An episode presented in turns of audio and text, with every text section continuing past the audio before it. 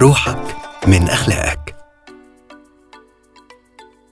الأسبوع اللي فات انتشرت على كل حسابات ال social media دعوة نبيلة وجميلة جدا.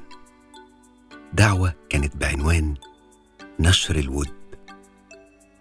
الدعوة كانت بتتكلم على موقف التباعد اللي ممكن يحصل ما بين مجموعة من الأصدقاء أو المعارف لفترات طويلة وفجأة تلاقيه بيكلمك عشان محتاجك في خدمة رد فعلك هيكون إيه؟ الدعوة كانت بتقول إنك مرحب بيك في أي وقت وإن الشخص اللي بيحط الدعوة دي على الصفحة بتاعته بيبقى مرحب بإنه يسند ويساعد أي حد حتى لو كان في تباعد أو حتى لو كنا ما بنكلمش بعض من فترة طويلة المعنى ده معنى نبيل قوي لأنه فعلا بيأصل فينا روح الود. بيأصل فينا إن إحنا نبقى جدعان مع بعض. مهما كان في تباعد أو حتى جفا أو حتى خلاف ما بينك وما بين أي حد والشخص ده لجأ لك. ما افتكرش أبدا إن أي حد فينا ممكن يفكر لحظة في إنه يساعد الشخص ده. حتى لو كان في حد من أصدقائك وإنت عارف إن الشخص ده مفيش تواصل معاه لفترات طويلة جدا وإن أنتوا ما بتتكلموش غير لما يبقى محتاج منك حاجة. كفاية إنه عارف إن أنت الشخص الوحيد اللي هتلبي له الحاجة دي.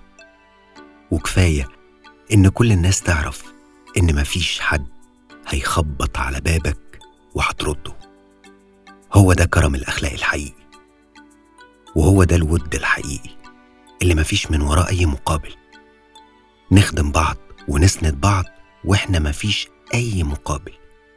حتى علاقة الصداقة ممكن تكون بتتقطع وبترجع ومفيش فيها تواصل مستمر.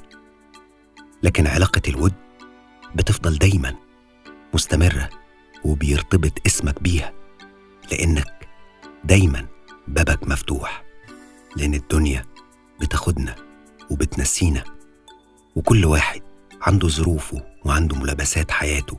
اللي ممكن انت ما تعرفهاش. وعشان كده بقول لكم خلوا بوابكم دايما مفتوحة لكل الناس. واعذروا بعض واسندوا بعض من غير أي أعذار. روحك من أخلاقك.